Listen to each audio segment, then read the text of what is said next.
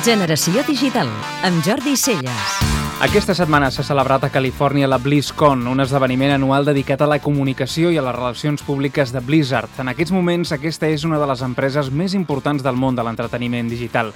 Ho és per la llarga trajectòria empresarial des de principis dels 90 amb The Lost Vikings i, sobretot, amb les seves sagues Warcraft, Starcraft i Diablo. Blizzard és un referent sobretot per haver estat la primera en aconseguir un èxit mundial en la creació de mons virtuals i de comunitats globals de jugadors de pagament.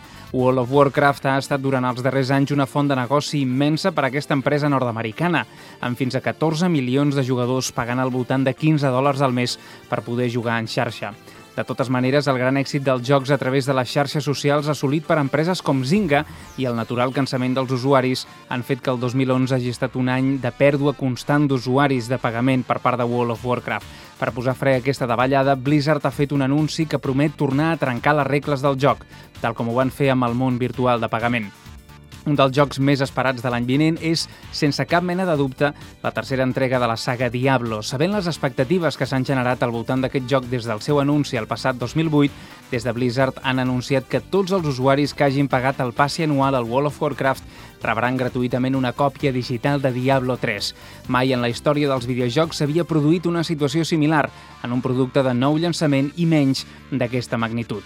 L'oferta només serà vàlida per tots aquells que tinguessin una còpia registrada del World of Warcraft complet abans del 18 d'octubre i es subscriguin durant un curt període de temps al passi anual. A més, pels autèntics fans d'aquesta casa, és l'acció de relacions públiques més potent que es podien haver imaginat. Això demostra clarament que Blizzard sap que el negoci en realitat està en tenir milions d'usuaris pagant petites quantitats fixes cada mes i un munt de quantitats variables, molt més que no fer una venda global massiva en el llançament d'un joc i tornar a esperar 3 anys per llançar-ne el següent. Podeu escoltar Generació Digital cada dissabte de 4 a 6 de la tarda a Catalunya Ràdio.